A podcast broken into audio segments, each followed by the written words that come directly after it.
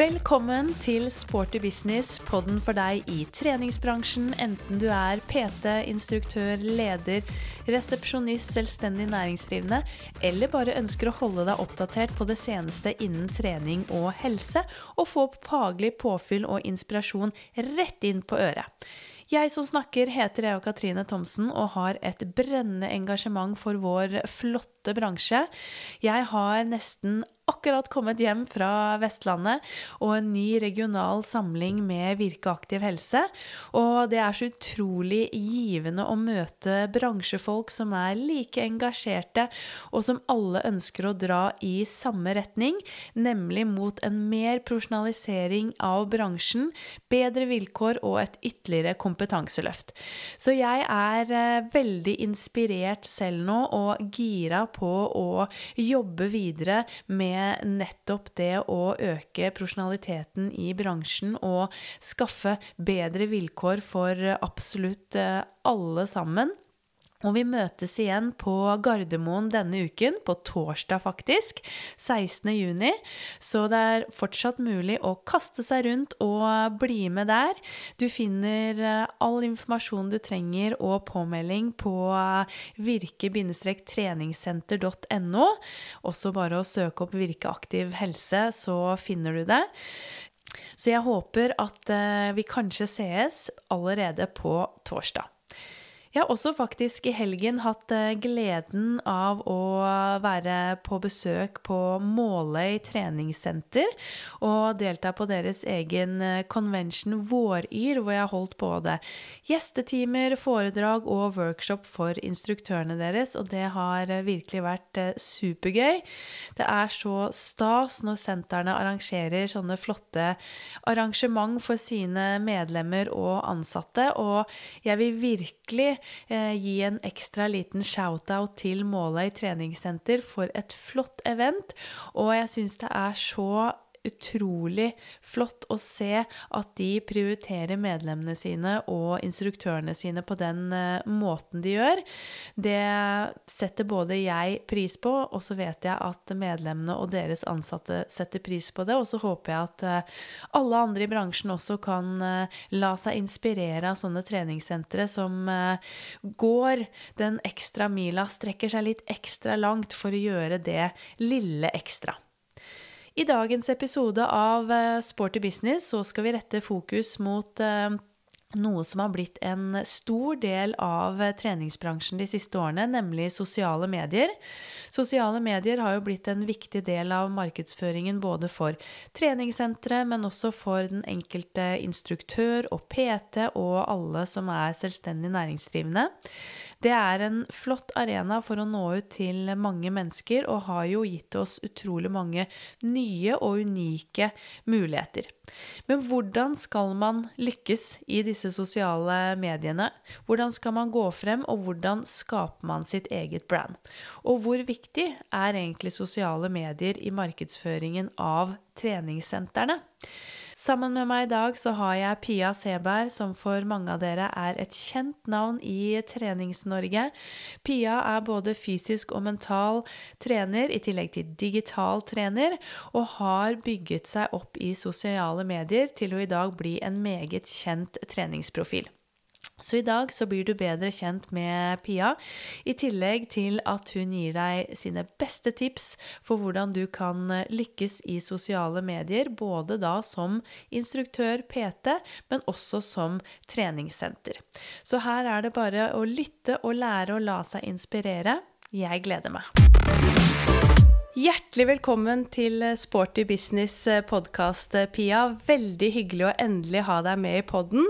Vi ses jo nå gjennom skjermen, men det har vi jo blitt godt vant med de siste årene. Og du og Silje er jo også rutta med å spille inn podkast eh, gjennom skjermen. Ja, gud. Nå er det nesten mer uvant hvis det er fysiske møter. Hvis det er det, så er det litt sånn uh, vi skal møtes, liksom. Så det digitalt er blitt den nye normalen. Og altså, jeg trives jo veldig godt med det. Jeg syns jo det gjør veldig mye, både møter, men også trening mye mer tilgjengelig. Så dette, dette funker bra. Absolutt. Ja, det har jo åpnet opp noen uh, nye muligheter som vi ikke var så flinke til å benytte av oss uh, før pandemien. Så alt i alt så kommer det alltids noe positivt ut av dine, disse krisene også. Men uh, du er jo et kjent fjes for mange, og et kjent navn, ikke minst i Trenings-Norge. Men for de som ikke kjenner Pia, kan du ikke bare gi en sånn kort, liten introduksjon av deg selv? Jo, jeg heter Pia Seberg, er 32 år gammel og jeg bor i Drammen. Sammen med forloveden min, er det vel nå, Simen, og så har jeg en sønn på to og et halvt år. Eh, jeg jobber som fysisk og mental trener på litt ulike måter. Nå driver jeg jo mine kanaler i sosiale medier, i tillegg til å det er jo å drifte et slags online treningssenter. Da. Jeg er så heldig å få lov til å ha en gjeng med medlemmer som trener med meg hver uke. Og etter korona så har det blitt en veldig stor del av virksomheten min, så det gjør jeg mye. Og så er jeg jo med på eventer og holder gruppetimer og foredrag og ja. Masse forskjellig, men alt er innenfor stolpene fysisk og mental trening. Ja. En variert og morsom arbeidsdag, med andre ord. Ja, virkelig. Det er Eller jo, noen dager er ganske like, men det er mye sånn spennende greier som skjer òg. ja, ikke sant. Og så er det jo ikke alltid sånn at når man eh, driver for seg selv heller, at uh, alt er like spennende eller gøy. Selv om det kanskje kan virke sånn utad i sosiale medier, så krever jo alt også de litt, hva skal jeg si, litt mer sånn kjedelige tingene som uh, må gjøres. Men det er jo sosiale medier som vi også skal da dypdykke litt ned i i dag. Og det er mange som har ønsket seg deg i Sporty business, så jeg er veldig glad for at vi nå har uh, fått til denne poden. Og det er jo da spesielt dette med sosiale medier, hvordan lykkes med eget brand, hvordan man kan bruke disse sosiale mediene mest hensiktsmessig for å selvfølgelig da bygge egen virksomhet, eller markedsføre kanskje også treningssenter og større virksomhet, som er, eh, er fokuset i dag. Kan ikke du fortelle litt sånn eh, overordnet først og fremst hvordan du egentlig havnet i treningsbransjen? Jo, absolutt. Jeg må jo si at jeg er veldig beæret over å få lov til å være her også. Kjempehyggelig og i jålete selskap med mange gode, viktige navn. Um, jeg tok jo PT-utdannelse en eller annen gang etter videregående, mest fordi jeg var interessert i trening. Og fikk jo da blod på tann. og alltid vært glad i å skrive, så jeg skjønte vel ganske tidlig at jeg hadde et ønske om å kombinere skriving og trening. Så etter PT-utdannelsen begynte jeg å jobbe som PT, men jeg tok også en bachelorgrad i journalistikk. Og eh, da, holdt, da gikk jeg på BI. Uh, det var der jeg tok bachelorgraden min, og det lå på en måte rett ved siden av ShapeUp-kontoret. Så fra, fra, ganske tidlig av så var jeg liksom en klegg på døra der til redaksjonssjefen Nina og var sånn Jeg skal jobbe her, jeg gjør det gjerne gratis, men her, her, her skal jeg gjøre noe, da. Så jeg begynte å jobbe som frilanser der ved siden av PT-rollen. Og sakte, men sikkert så fikk jeg jo en eh, fast stilling i ShapeUp. Og det ble vel på en måte min vei inn i sosiale medier, fordi i takt med at jeg begynte å jobbe med ShapeUp, så var det også jeg som faktisk starta Instagram-kontoen deres, husker jeg, når jeg hadde praksis der. Og da ble det naturlig for meg å være et slags ansikt i de kanalene. Mm. Og um, altså, da ble man jo også et ansikt. Og så husker jeg det var uh, redaktøren for Shapeup på det nye som sa sånn Å, Pia, kan ikke du være på coveret av Shapeup, og så kaller vi deg for uh, PT-Pia? Det var for øvrig et navn jeg aldri sto sånn kjempegodt i, men man var jo ung ikke sant, og ville ikke si noe imot noen, så jeg var sånn ja ja, gjerne det.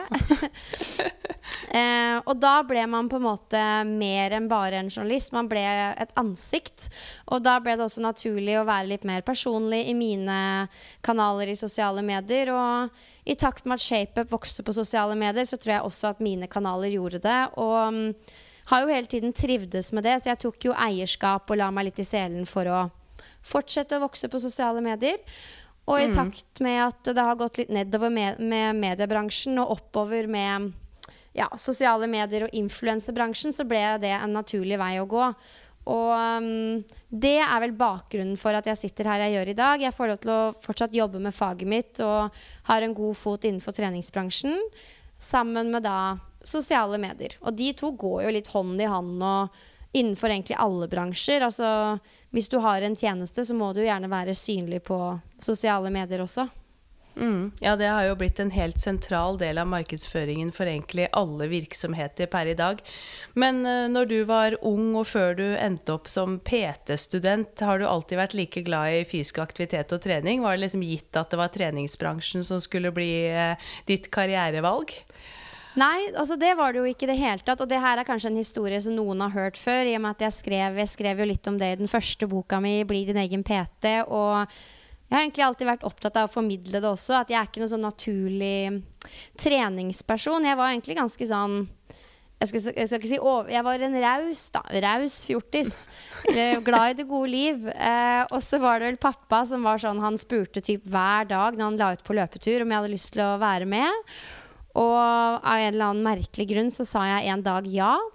Og eh, jeg syns jo ikke det var noe ålreit. Det er jo aldri ålreit å legge, på, legge, ut på livets første løpetur. Men pappa klarte vel å skape en eller annen form for mestringsfølelse da, som gjorde at jeg ble med igjen og igjen og igjen. Mm. Og da merka jeg nok etter hvert de positive effektene det hadde på meg. Både liksom mentalt og psykisk, men helt sikkert også fysisk. Eh, som en overvekt, eller litt sånn overvektig ungdom, så er det jo fint å se at man ja, har det bedre i egen kropp, da. Og alle disse Absolutt. tingene gjorde at jeg hadde lyst til å fortsette. Så jeg liksom Du vet, du man gikk på masse gruppetimer, spinning, trente masse. Sikkert litt for meget på et tidspunkt der også. Um, den har vi vel alle vært igjennom, tror jeg. Det er, nesten, det er ikke som at vi må igjennom den alle sammen for å finne balansen, hvis du skjønner. Mm. Så en god do dose overtrening der på et tidspunkt. Um, og ja, etter hvert da så har man jo funnet sin balanse, og etter hvert som man også lærer mer om trening, så står man jo litt sånn tryggere i hvordan man selv skal trene, og også trene andre, da. Så det var mm. min vei inn, at jeg først gjorde en endring selv. Opplevde alle de positive fordelene ved det, og bestemte meg ganske tidlig for at dette ønsker jeg å hjelpe andre også til å oppleve, da. Mm.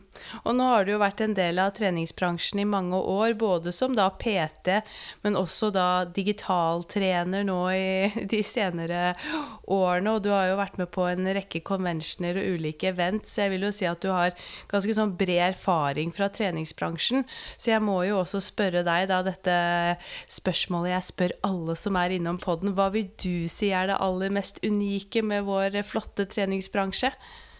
Åh, oh det er jo et godt spørsmål. Jeg er jo forelska i min egen bransje, og det er jo et godt tegn, tenker jeg. Det vet jeg at du er òg. Um, noe av det aller beste er jo altså Det blir jo litt klisjé å si, men folka i treningsbransjen føler jeg liksom er helt unike.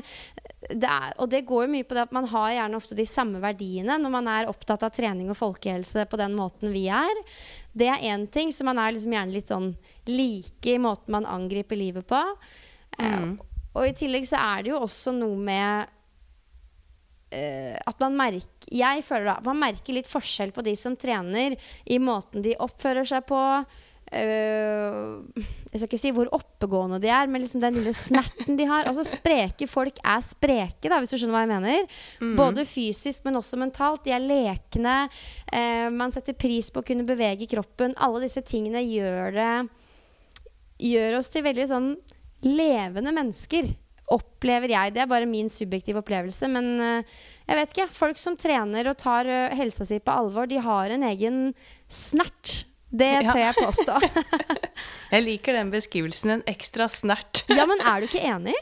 Jo, jeg er veldig enig, og det er jo folka de fleste også beskriver som er unikt med denne bransjen. Og jeg også tenker stadig vekk at uh, selv om jeg beskriver denne bransjen som verdens beste, så har vi jo selvfølgelig ulike utfordringer, og det er en grunn til at vi jobber med et ytterligere både kompetanseløft, men også profesjonalisering, og få bedre vilkår og det ene og det andre. Så selvfølgelig, det er jo utfordringer, og det er jo ikke hver dag man på med hånden på hjertet kan si at det kanskje er verdens beste bransje. Men hver gang jeg tviler, så tenker jeg liksom tilbake på dette med nettopp kollegaene mine og de opplevelsene og de menneskene jeg møter. Og jeg ville jo ikke vært en dag foruten. Så det er virkelig både kollegaer, men også de menneskene man møter på trening, som gjør uh, denne bransjen helt unik, og som gjør at man forelsker seg i den. Mm, absolutt. Men du jobber jo i dag nå da som selvstendig næringsdrivende både som mental og fysisk trener, og har jo virkelig skapt din eh, egen hverdag. Og som du sier, eh, trening og sosiale medier går nå hånd i hanske, og et viktig verktøy for deg. Men sånn, når var det du egentlig bestemte deg for å ta steg og virkelig satse eh, eget? Og du, det var um, For det første så begynte jeg som eh, PT i EVO på et tidspunkt. Og når man jobber i EVO, så må man jo leie seg inn, og da må man ha et enkeltmannsforetak. Og det føler jeg er veldig sånn her, et steg å ta for mange, å starte for seg selv. Uh, mm. Men fordi jeg gjorde det, så var også veien litt kortere til å uh, forlate min faste stilling i ShapeUp og, og drive for meg selv, da. Um, fordi jeg jobba jo i et stort mediehus som heter Eggmont. Det er der bl.a. ShapeUp-merkevaren bor. Og i takt med at uh, det gikk, gikk, og går nedover med magasinbransjen, så var det også en del nedbemanninger. Nedbemanninger i den grad at jeg opplevde eller følte at jeg kunne skape en større trygghet for meg selv ved å være frilanser enn ja. å være fast ansatt. Det sier jo litt om mediebransjen på den tida, men uh, ja, sånn er det jo. Mm. Um, så det var egentlig min uh, inngang til det selvstendige livet. Og da var jo planen at jeg skulle egentlig leve av å være PT og, og leve, levere artikler til uh, både ShapeUp, men også egentlig andre helserelaterte ting. Men uh, igjen, det skjedde et eller annet skifte der, der hvor personen meg ble mer synlig, og jeg trivdes med det. Jeg, jeg trives veldig godt med å kunne hjelpe andre med å bruke meg selv. Så mm. da ble det et naturlig valg. Men det er også et viktig skille, fordi som journalist og en redaksjonelt ansatt, så skal man jo gjerne være litt sånn usynlig mellomledd mellom f.eks. et intervjuobjekt og leseren. Du skal på en måte ikke merke at journalisten er der. Han eller hun bare skildrer. Mens uh, en influenser er jo bare meg, meg, meg, meg, meg. Så um, ja det var et viktig, viktig, steg å ta. Da, at jeg slutta å være journalist, og at jeg heller gikk over til å bli um, ja, influenser, innholdsprodusent. Gudene veit hva vi skal definere det som. Mm. Um, ja. And here we are. ikke sant. Men hvordan gikk du frem etter at du hadde laget, startet eget enkeltmannsforetak, og når du på en måte forsto, som du sier, at du valgte å ta steget ut av eh, Eggmont og også da eh, journalistrollen og på en måte satse mer på deg som brand. Eh, hvordan gikk du frem eh, da? Eh, altså det var jo å fortsette å bruke sosiale medier. Og så um, har man jo lært mye av journalistikken, bl.a. Uh, dette her med storytelling. At du må skape en eller annen verdi for leseren. Så jeg la jo litt sjela mi å prøve å fortsette å lage godt innhold og fortelle gode historier, men da på digitale flater som min egen Instagram og etter hvert YouTube og sånne ting. Og mm. det, der har man nok en fordel som journalist, fordi man Altså man skjønner litt det konseptet med å skrive og produsere og kommunisere, selvfølgelig. Um, så jeg fortsatte vel egentlig bare med det, og det har jeg prøvd å holde litt på. At selv om man etter hvert ønsker å selge egne tjenester og jobbe kommersielt også med andre merkevarer, så skal man alltid prøve å skape en verdi for de som mottar innholdet. For det er jo det som gjør at du er eh, aktuell og interessant. Altså du må hjelpe de mottakerne som tar imot innholdet ditt på en eller annen måte. Da. Det holder ikke bare, uh, syns jeg i hvert fall, i hvert fall ikke innen treningsbransjen, å vise fram liksom meg, meg, meg, meg, se på meg. Det har aldri vært helt min greie. Jeg har alltid um, ønska å liksom tilby verktøy, da. Uh, mm. Fant jo etter hvert på dette her med altså bli din egen PT som min knagg. Det at jeg ønsker å tilby ja, fysiske og mentale verktøy som hjelper folk til å være litt sånn selvstendig i eget helseliv. Så jeg, jeg, jeg, fortsatte egentlig bare å prøve å gjøre det i da digitale eh, flater. Veldig enkelt forklart. Mm. Ja, Men hvordan har det vært å skape sin egen arbeidsplass i treningsbransjen, syns du, da? Kan du skildre både litt eh, fordeler og ulemper? Jeg regner med at det ikke bare har vært en dans på roser fra dag én? Nei, altså det er jo utfordrende, og du må jo ha en egen interesse for liksom Det jeg snakka mye med Sølve Sunddragen om, og jeg vet at du kan kjenne deg igjen i det. Du må ha en egen interesse for å liksom høsle. Mm. Eh, du må ha mm, liksom en lørdagskveld hvis du er aleine uten planer, så må du ha litt lyst til å sette deg ned og jobbe, jobbe litt. Du må ha en interesse for det, da.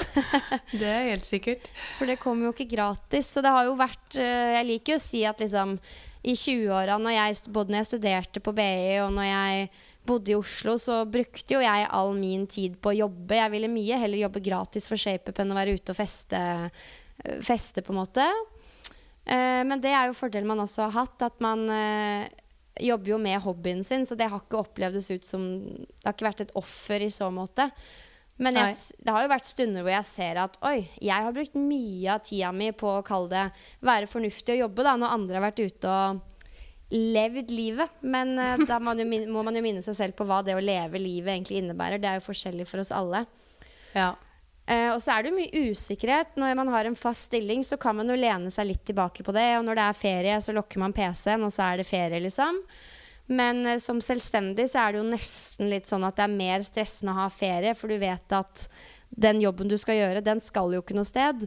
Så det blir på en måte bare mer når du kommer tilbake, i tillegg til at um, vet ikke jeg, Som influenser og når man jobber med sosiale medier, så har man alltid en liten sånn frykt for å ikke være aktuell lenger. Jeg tror ikke mm. den er reell, fordi det er ingen som merker at du er borte en uke eller to. Men sånn personlig så kjenner man litt på det. Så det er um, hele tiden det ansvaret man går rundt med om at man er sin egen sjef, på godt og vondt. At man har ansvar for egen økonomi og egen utvikling og egen suksess, da. Som er det som er gøy, men også det som er sinnssykt stressende og ganske skummelt uh, til tider.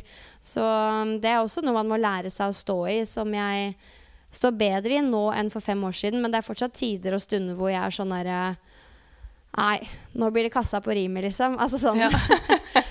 Men uh, ja, foreløpig ja, så trives Den tror jeg det er flere av oss som har vært uh, innom de to siste årene òg, for å ja, si det sånn. ikke sant. Så det um, Nei, det er, som alle andre jobber, så er det jo pros and cons, men definitivt mest pros. Mm. Ja.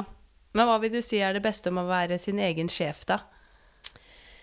Det aller beste er jo fleksibiliteten. Og hvis jeg skal være ganske konkret, så er det å, å kunne ha fri på dagtid, f.eks. Hvis, mm. jeg, hvis jeg vil og ikke har noen spesielle avtaler, så kan jo jeg bruke dagen til å liksom få trent, jeg kan lage litt hjemmelagd mat, jeg kan få vaska huset, og så kan jeg sette meg ned på kvelden og jobbe. Og bare den fleksibiliteten der at jeg kan styre og ordne som jeg vil, det har så sinnssykt mye å si for uh, mitt velvære, da.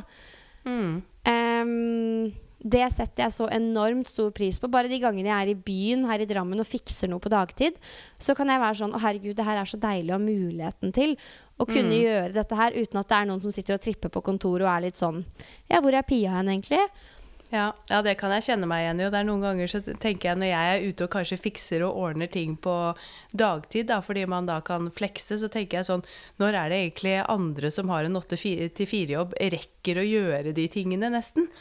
Jeg vet. Så det er, eh, det er en stor luksus. Men er det noe du tenker at du veldig gjerne kunne ønske at du liksom var flinkere på eller kunnet mer om i rollen som uh, nå selvstendig næringsdrivende og med tanke på det å gründe og liksom drifte eget? Ja, gud a meg. Jeg er jo veldig sånn homemade på den måten at jeg er god på det jeg er god på, og de andre tingene liksom bare humper og går. Um, ja, jeg har lyst til å si litt sånn regnskap og sånne ting, men det har jeg jo outsourca, så det er greit. Jeg ser folk som sitter og styrer og ordner med eget regnskap, og da blir jeg helt sånn svett i luggen. Du gjør sikkert det. Ja, jeg gjør en del selv enn så lenge. Men ja. Uh, ja, for å si det sånn, da er jeg svett i luggen. Det er ikke akkurat uh, høydere enn det, altså. Nei, der er rett og slett bare Det har jeg tror jeg bestemt meg litt for etter hvert som jeg også har fått flere oppgaver og liksom virksomheten min har vokst, at jeg må være god på outsource og fortsette å gjøre det jeg er god på. Regnskap og økonomi er ikke min greie. Og jeg er ikke så god ikke sant? jeg prøver å være god på outsource, men jeg er ikke så god på det ennå. Jeg vil gjerne gjøre alt selv. Men jeg ser jo at de gangene jeg kanskje får litt hjelp til markedsføring, eh, får noen til å hjelpe meg med å ta bilder, så blir jo resultatet mye bedre. Men jeg tror når man er litt sånn self-made, så er man automatisk også litt sånn kontrollfrik. Spesielt når uh, man jobber med seg selv som um, ja, Kall det en merkevare. Jeg syns det er så kleint å kalle seg sjøl det, men du skjønner, det. Ja, ja. Uh, så det, de tingene der er jo litt utfordrende når du går fra å være litt sånn hjemmesnekra hobbybusiness til å kanskje skulle vokse litt. Og man har jo en drøm om å kanskje ha en arbeidsplass eller to. Mm. Og, og, det liksom steget der, det syns jeg er vanskelig, og jeg har ikke helt fått det til uh, enda, for det er liksom litt sånn 2-0. Og um, Ja.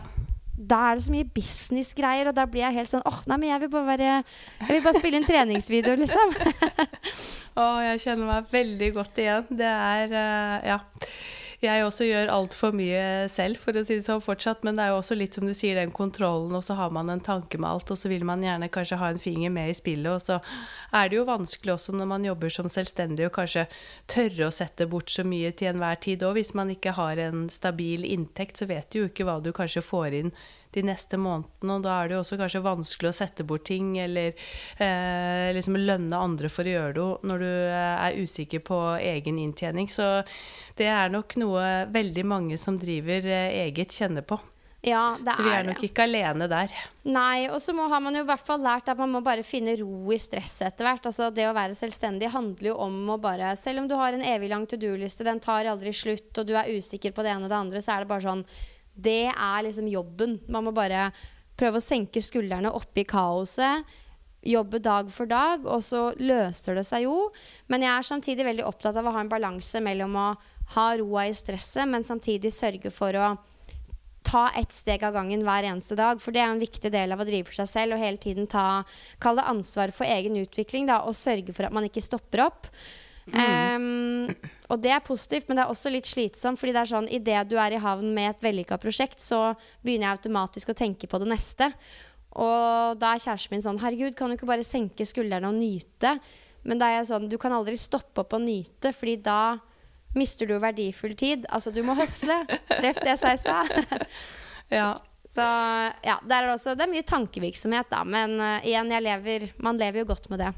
Ja, og noen ganger så tenker jeg at den eh, jobben i kassa på Kiwi, den er der alltid, så hvis det går rett vest, Det er nettopp det. det, er så løser det seg alltid. Men eh, over til dette med merkevare igjen, da, selv om du ikke er så glad i, i det ordet, holdt jeg på å si, så vil jeg jo si at du har jo vært veldig dyktig til å skape da nettopp ditt eget brand, eh, og blitt en stor profil i da treningsverdenen, men gjennom da sosiale medier. Og sosiale medier har jo i dag blitt en viktig kommunikasjonskanal også for alle oss i treningsbransjen, enten du er instruktør eller PT eller treningssenter eller selvstendig næringsdrivende, så er det jo veldig mange som også bruker eh, sosiale medier. Men hvordan vil du si at du har gått frem for å bygge eh, eget brand i sosiale medier?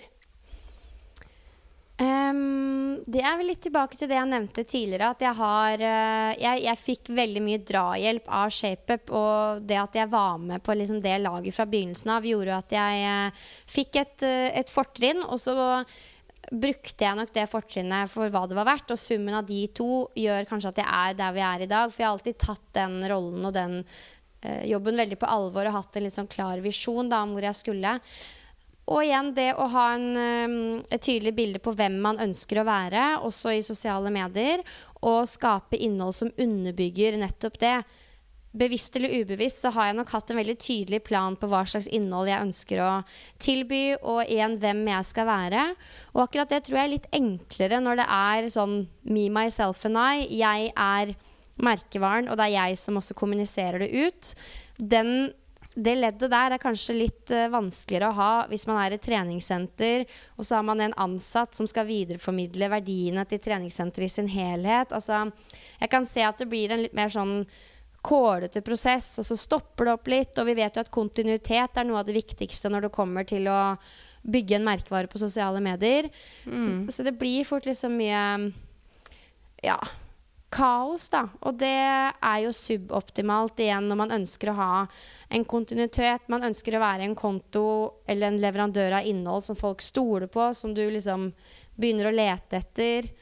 Um, ja, det tror jeg er litt viktig. Jeg tror i mange år at mange har undervurdert viktigheten av sosiale medier. Og jeg føler nesten at mange i Trenings-Norge, spesielt senteret, gjør det enda. Um, det vet du mer om enn meg, men at det er fortsatt litt sånn venstrehåndsarbeid. Alle veit hvor viktig det er, men det er ikke så ofte man møter sentre som har en egen stilling til kun det, f.eks. Eller er det blitt vanligere? Nei, jeg tror nok, eh, uten at jeg også skal uttale meg altfor mye om det, så i hvert fall det jeg har erfart, er jo at det er jo selvfølgelig større kjeder og større sentre som også har muligheten, selvfølgelig rent økonomisk, til å sette noen på den jobben, som har en eh, egen en som jobber med sosiale medier og markedsføring, men de fleste har jo ikke det.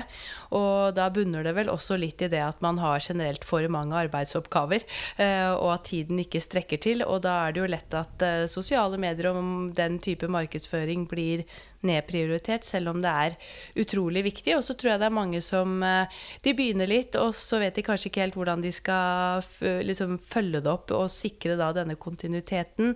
Kanskje litt usikre på hva slags innhold skal man dele, har kanskje ikke laget en konkret plan, og så blir det, som du sier, litt sånn venstrehåndarbeid, og at det faller litt igjennom. Så jeg tror nok veldig mange, også der treningssentre, har mye å hente på å faktisk eh, benytte seg av sosiale medier i mye større grad. Ja, ja, for det er eh, omfattende arbeid. Og det Senest nå i helgen så ble Shape Up Weekend avholdt. Og da hadde vi med oss en egen person som eh, hjalp til med sosiale medier. Og altså, hun mm. løp jo rundt som en sprettball og satt på telefonen sin i alle pausene. Og da var hun sånn Herregud, det her er så mye jobb, liksom. Hele tiden positiv og syntes det var moro. Men uh, det var liksom en liten wake-up call til oss alle om at det er en reell jobb som må gjøres. Og da er det viktig å ha et tydelig bilde på hva slags innhold man skal ha. F.eks. når jeg skal um, inn i et stort event, sånn som Shape Up Weekend, så prøver jeg alltid å lage en plan på hva slags type innhold jeg ønsker å få ut av den helgen. Jeg har nok mm. blitt ganske god på hele tiden tenke med to hoder. At ja, jeg er der som en fysisk trener, men fordi en så stor del av meg også er digital, så ønsker jeg også å hente ut verdi eh, til mine følgere, f.eks. på Instagram og andre plattformer. Så um, noe så enkelt som at jeg avholdt en gruppetime. Da velger jeg alltid å bli igjen, eller ikke alltid, men i dette tilfellet så blir jeg igjen da en halvtime for å filme de øvelsene, sånn at jeg vet at jeg har en treningsvideo til uka etter.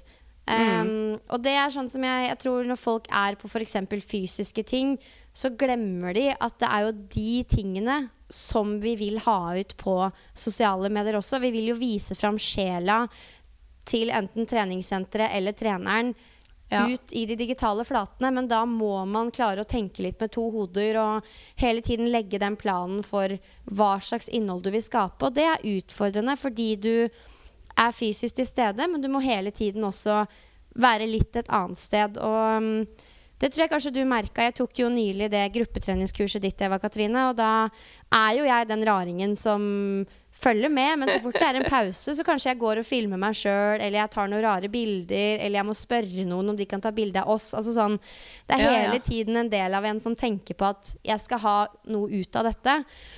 Og um, det kan, for meg så er jo Jeg er veldig vant til det, men det kan også være litt sånn irriterende fordi jeg er liksom aldri helt til stede. Men da trøster jeg meg jo med at det, det er jo det som er jobben min, liksom. Ja. Ja, og jeg tror det er et veldig godt poeng. Altså, jeg kjenner jo det selv, at jeg har mye å lære av det. For jeg kan også bli veldig oppslukt i øyeblikket. Eh, og til stede, som hvis jeg selv er på eventer eller conventioner eller holder et kurs, eller senest nå eh, Vi har jo vært på treningsreise med Ving og hatt Vingcamp. Og ja, da hadde vi jo også med oss eh, ja, dyktige Tonje eh, Lien Wold, som dere også hadde det med på treningsreise til Rodos, du og Maren, som løp rundt og tok bilder av oss, og det var jo superstas stas og luksus, men jeg merket jo bare det at hun ville jo gjerne at jeg skulle titte litt opp til kamera, i hvert fall, i løpet av en gruppetime, eller kanskje legge opp til at det ble liksom noen sånne situasjoner hvor det var naturlig å ta bilder. Og bare det, altså det, så, altså det er så lett å glemme, for jeg er så 100 til stede eh, der og da.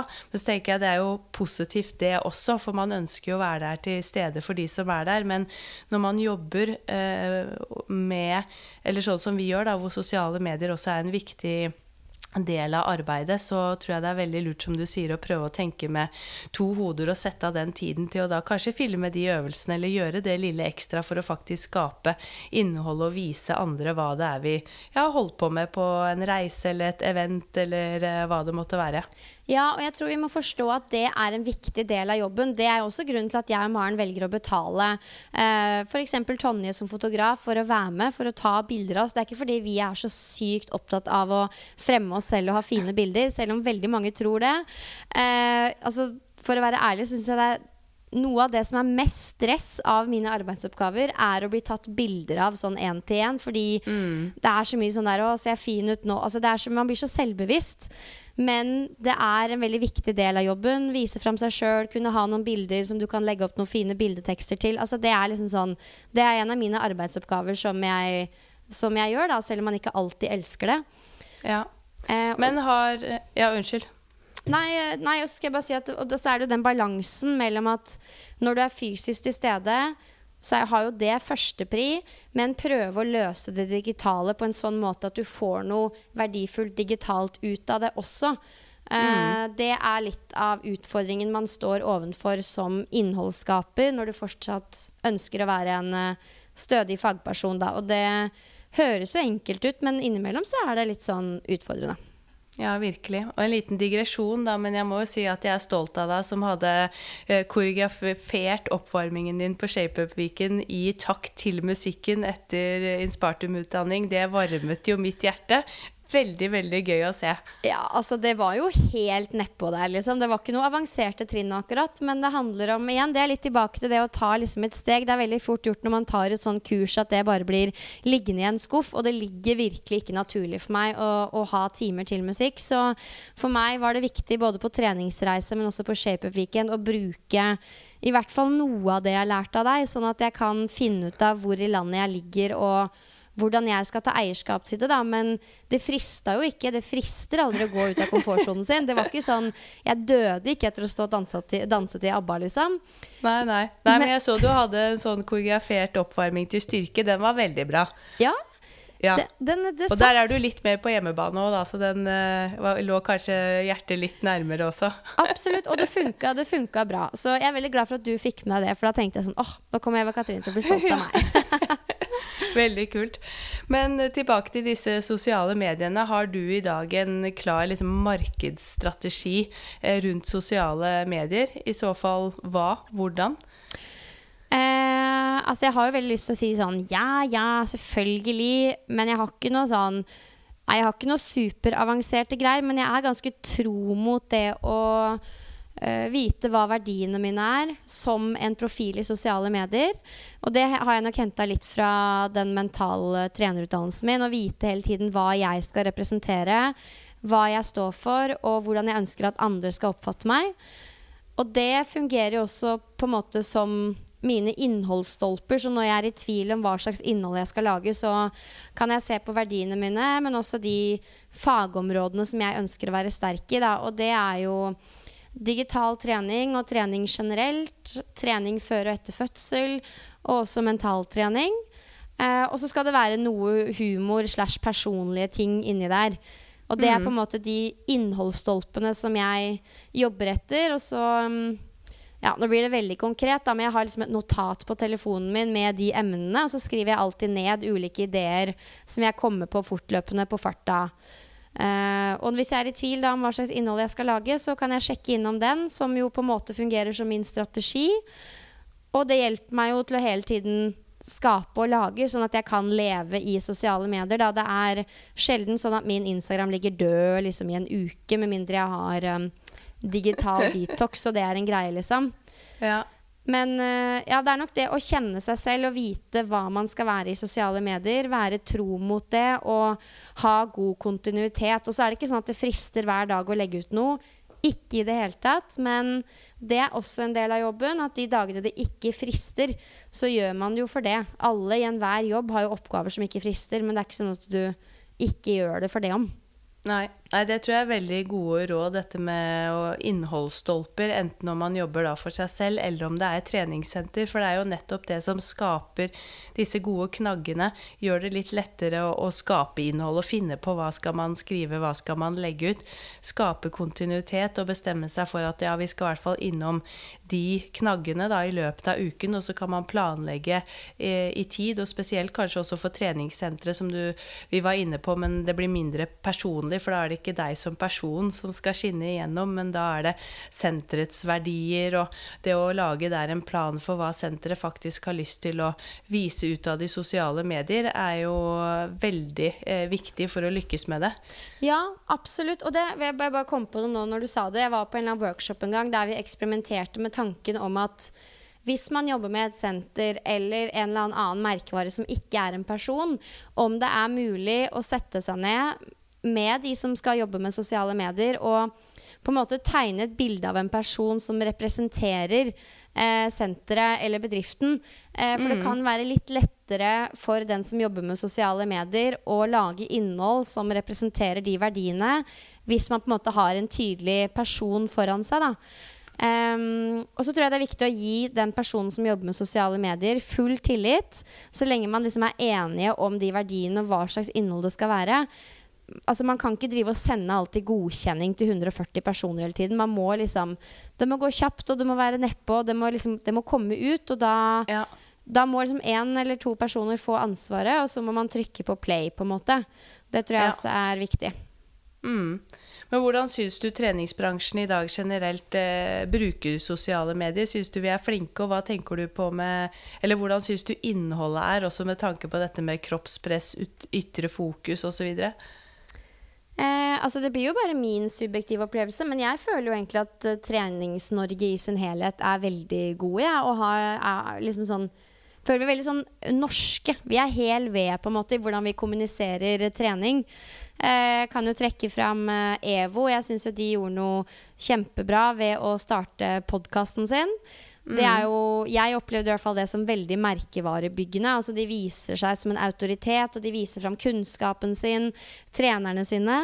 Og det gjør jo at man indirekte tenker på EVO som er litt sånn oh, de er kule, og de kan mye, liksom.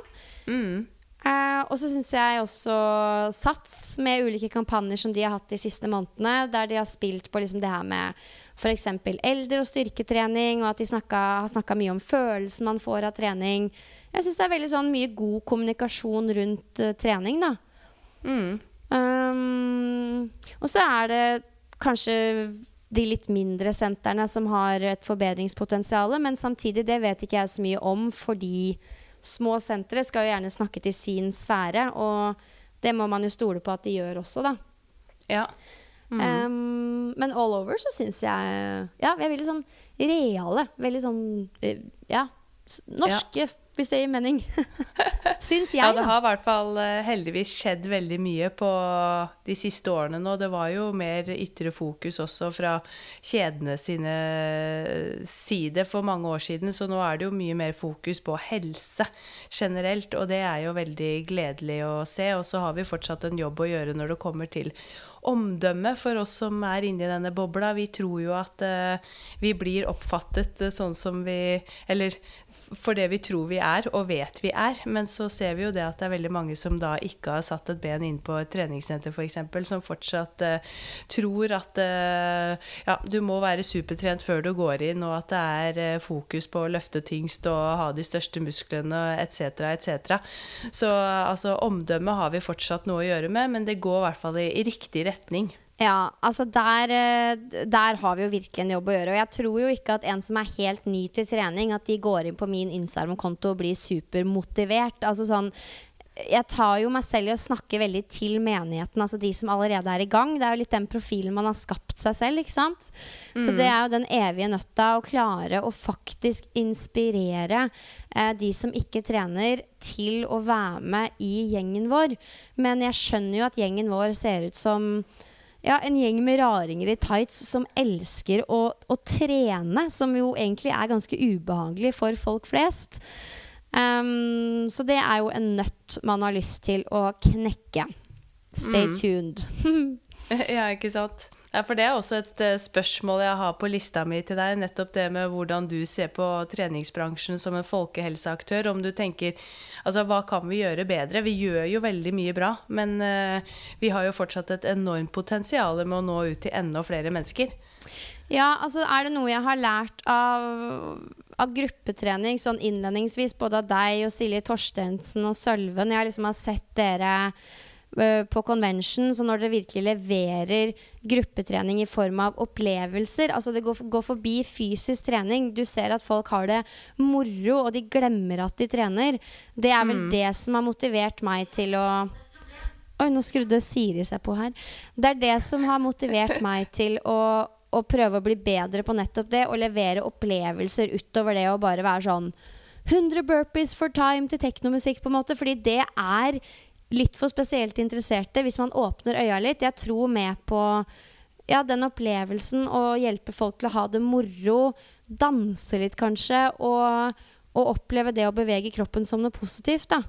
Mm. Um, der tror jeg vi kan bli bedre i form av at vi setter enda større pris på de som faktisk er skikkelig gode på å se mennesker og levere de opplevelsene. Anerkjenne det litt mer. Og kanskje fremme det tilbudet enda mer ovenfor nybegynnere, da. Ehm, Ja, og det tror jeg er sånn apropos temaet vårt i dag med sosiale medier for eh, treningssentrene, da. Være litt flinkere på å fremme den delen av treningen også. eh, Og det som skjer på senteret, at det ikke bare er de nede i kjelleren-øktene hele tiden, men den opplevelsen, gleden, og at vi fremmer også da disse mer myke kvalitetene hos eh, mennesker vi ansetter hos både PT-er og instruktører, f.eks. Men eh, for å begynne å runde av her, da, kan ikke du eh, komme med dine fem beste tips for hvordan skal man lykkes i sosiale medier til eh, lytterne våre? Fem beste tips. Altså det er jo igjen, det er bare mine tanker. Jeg er ikke noe ekspert på sosiale medier, men eh, forhåpentligvis kan noen la seg inspirere litt. Eh, det første tenker jeg jo er å, å sette seg ned og bli litt klok på hvem man ønsker å være. Og da kan man enten, hvis man er en person, så er jo det kjempefint. Eller hvis man er et treningssenter, så kan man prøve å tegne et bilde av en person. Og mm, Tips nummer to, kanskje tenke, tenke over hvordan du vil at andre skal beskrive deg. Sånn at hvis noen går inn på Instagram-kontoen din om tre år, eh, hvilke ord ønsker du at de skal bruke for å beskrive din merkevare, da? Eh, og nummer tre, det er jo å skape egne innholdsstolper. Altså tenke litt igjennom miksen. Hva slags innhold er det man ønsker å fremme? Hva er det man ønsker å snakke om? Noen PT-er er jo supergode på forskning, f.eks. og mm, spisser seg ned til muskelvekst. Andre er mer opptatt av å fremme godfølelsen av trening, og at uh, lite er mer enn nok. Altså sånn, litt sånn hvor ønsker man å være i landskapet? Det tror jeg er eh, smart. Mm. Eh, videre så må man altså starte i det små, i hvert fall rigge det til på en sånn måte at man klarer å ha kontinuitet. Det er litt sånn som med trening. Det nytter ikke at du er dritflink til å trene i én uke. Du må gjøre det i en måned og et år. Så du må du må ikke liksom strekke deg etter det perfekte, men heller prøve å legge opp en plan som gjør at du klarer å komme med innhold som er bra nok over tid. Um, for disse um, Altså innholdet trenger jo litt tid til å ja, vokse i algoritmene, da. Og eh, sist, men ikke minst, så er, vil jeg gi et tips til både meg selv og alle andre om å kanskje alliere seg med ungdommen. Altså det, er jo, Ja. det er jo ofte sånn at de kan mest om hvordan sosiale medier funker, og hva som slår an. Eh, det er lite jeg lærer så mye av, f.eks. som å sitte og bla på TikTok. Det er Mm. liksom en egen måte å kommunisere på, en egen måte å klippe sammen innhold på, som, eh, som man kan lære mye av, da. Så Ja. mm, ikke at man trenger å være på TikTok, men man kan se litt åssen ting funker, hvor kjapt klippen skal gå, hva slags tekster som er kult å bruke. Og så i hvert fall la seg inspirere, eller da komme i kontakt med unge folk som er gode på dette her. Um, men så kommer det selvfølgelig helt an på hva slags type merkevare du er, hva du ønsker. Men uh, jeg tror nok mange av oss har godt av å søke litt kompetanse innenfor dette. Fordi innholdsproduksjon og sosiale medier det er jo et eget fagfelt på lik linje med trening. Ja, Um, virkelig. ja, og det skal man ha litt respekt for, da. Mm. Veldig gode tips, og så er det jo også opp til eh, ja, virksomheten, tenker jeg, å prøve å velge noen eh, sosiale mediekanaler som også da er mest aktuelle. Hvis det er rettet mot barn og unge, så gå for TikTok. Og er det en litt mer voksen eh, målgruppe, så er det kanskje Instagram og Facebook som eh, er eh, løsningen. Og så velge noe, så det ikke blir for mye å gape over. Absolutt. Gjør noe, liksom. Bare gjør noe. Det tenker jeg er en viktig take home message. Virkelig.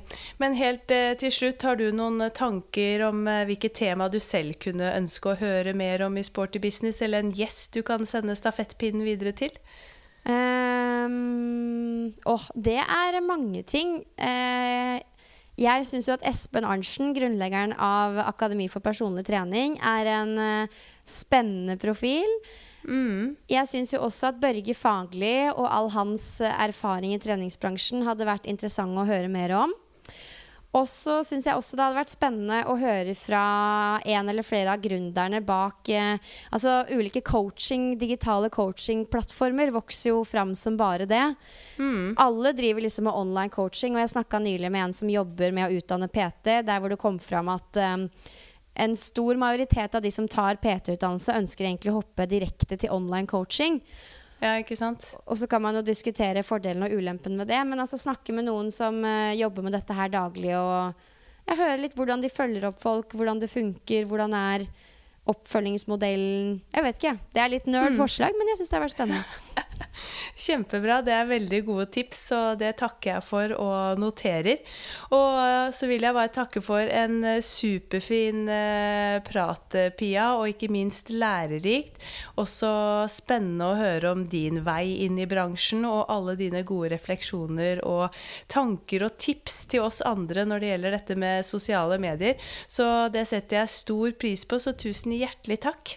Takk for at jeg fikk være med. Altså, Eva Katrine, du er ryddig og har ting på stell. Veldig sånn Ja, jeg er litt sånn bæret over at, jeg, over at jeg fikk være med. Så tusen takk for det. Veldig hyggelig å høre. Tusen hjertelig takk. Takk for at du følger og lytter til Sporty business. Uten deg så hadde ikke denne podkasten vært mulig. Håper du igjen fikk litt eh, inspirasjon og nytt påfyll. Og jeg blir superglad og takknemlig for om du vil følge oss på Instagram at Sporty Business Podcast. Bli gjerne med i Facebook-gruppen vår, også kalt Sporty Business, og abonner veldig gjerne på podden. Siste episode av denne sesongen av Sporty Business den slippes eh, om to uker, så da er det bare å glede seg. Og så er vi allerede i gang med planleggingen av eh, høstsesongen av Sporty Business. Så har du gode tips og ønsker, send dem veldig gjerne inn. Vi poddes igjen om to uker. Ha en sporty dag videre. Denne podkasten produseres av Inspartum Akademi og North Stories.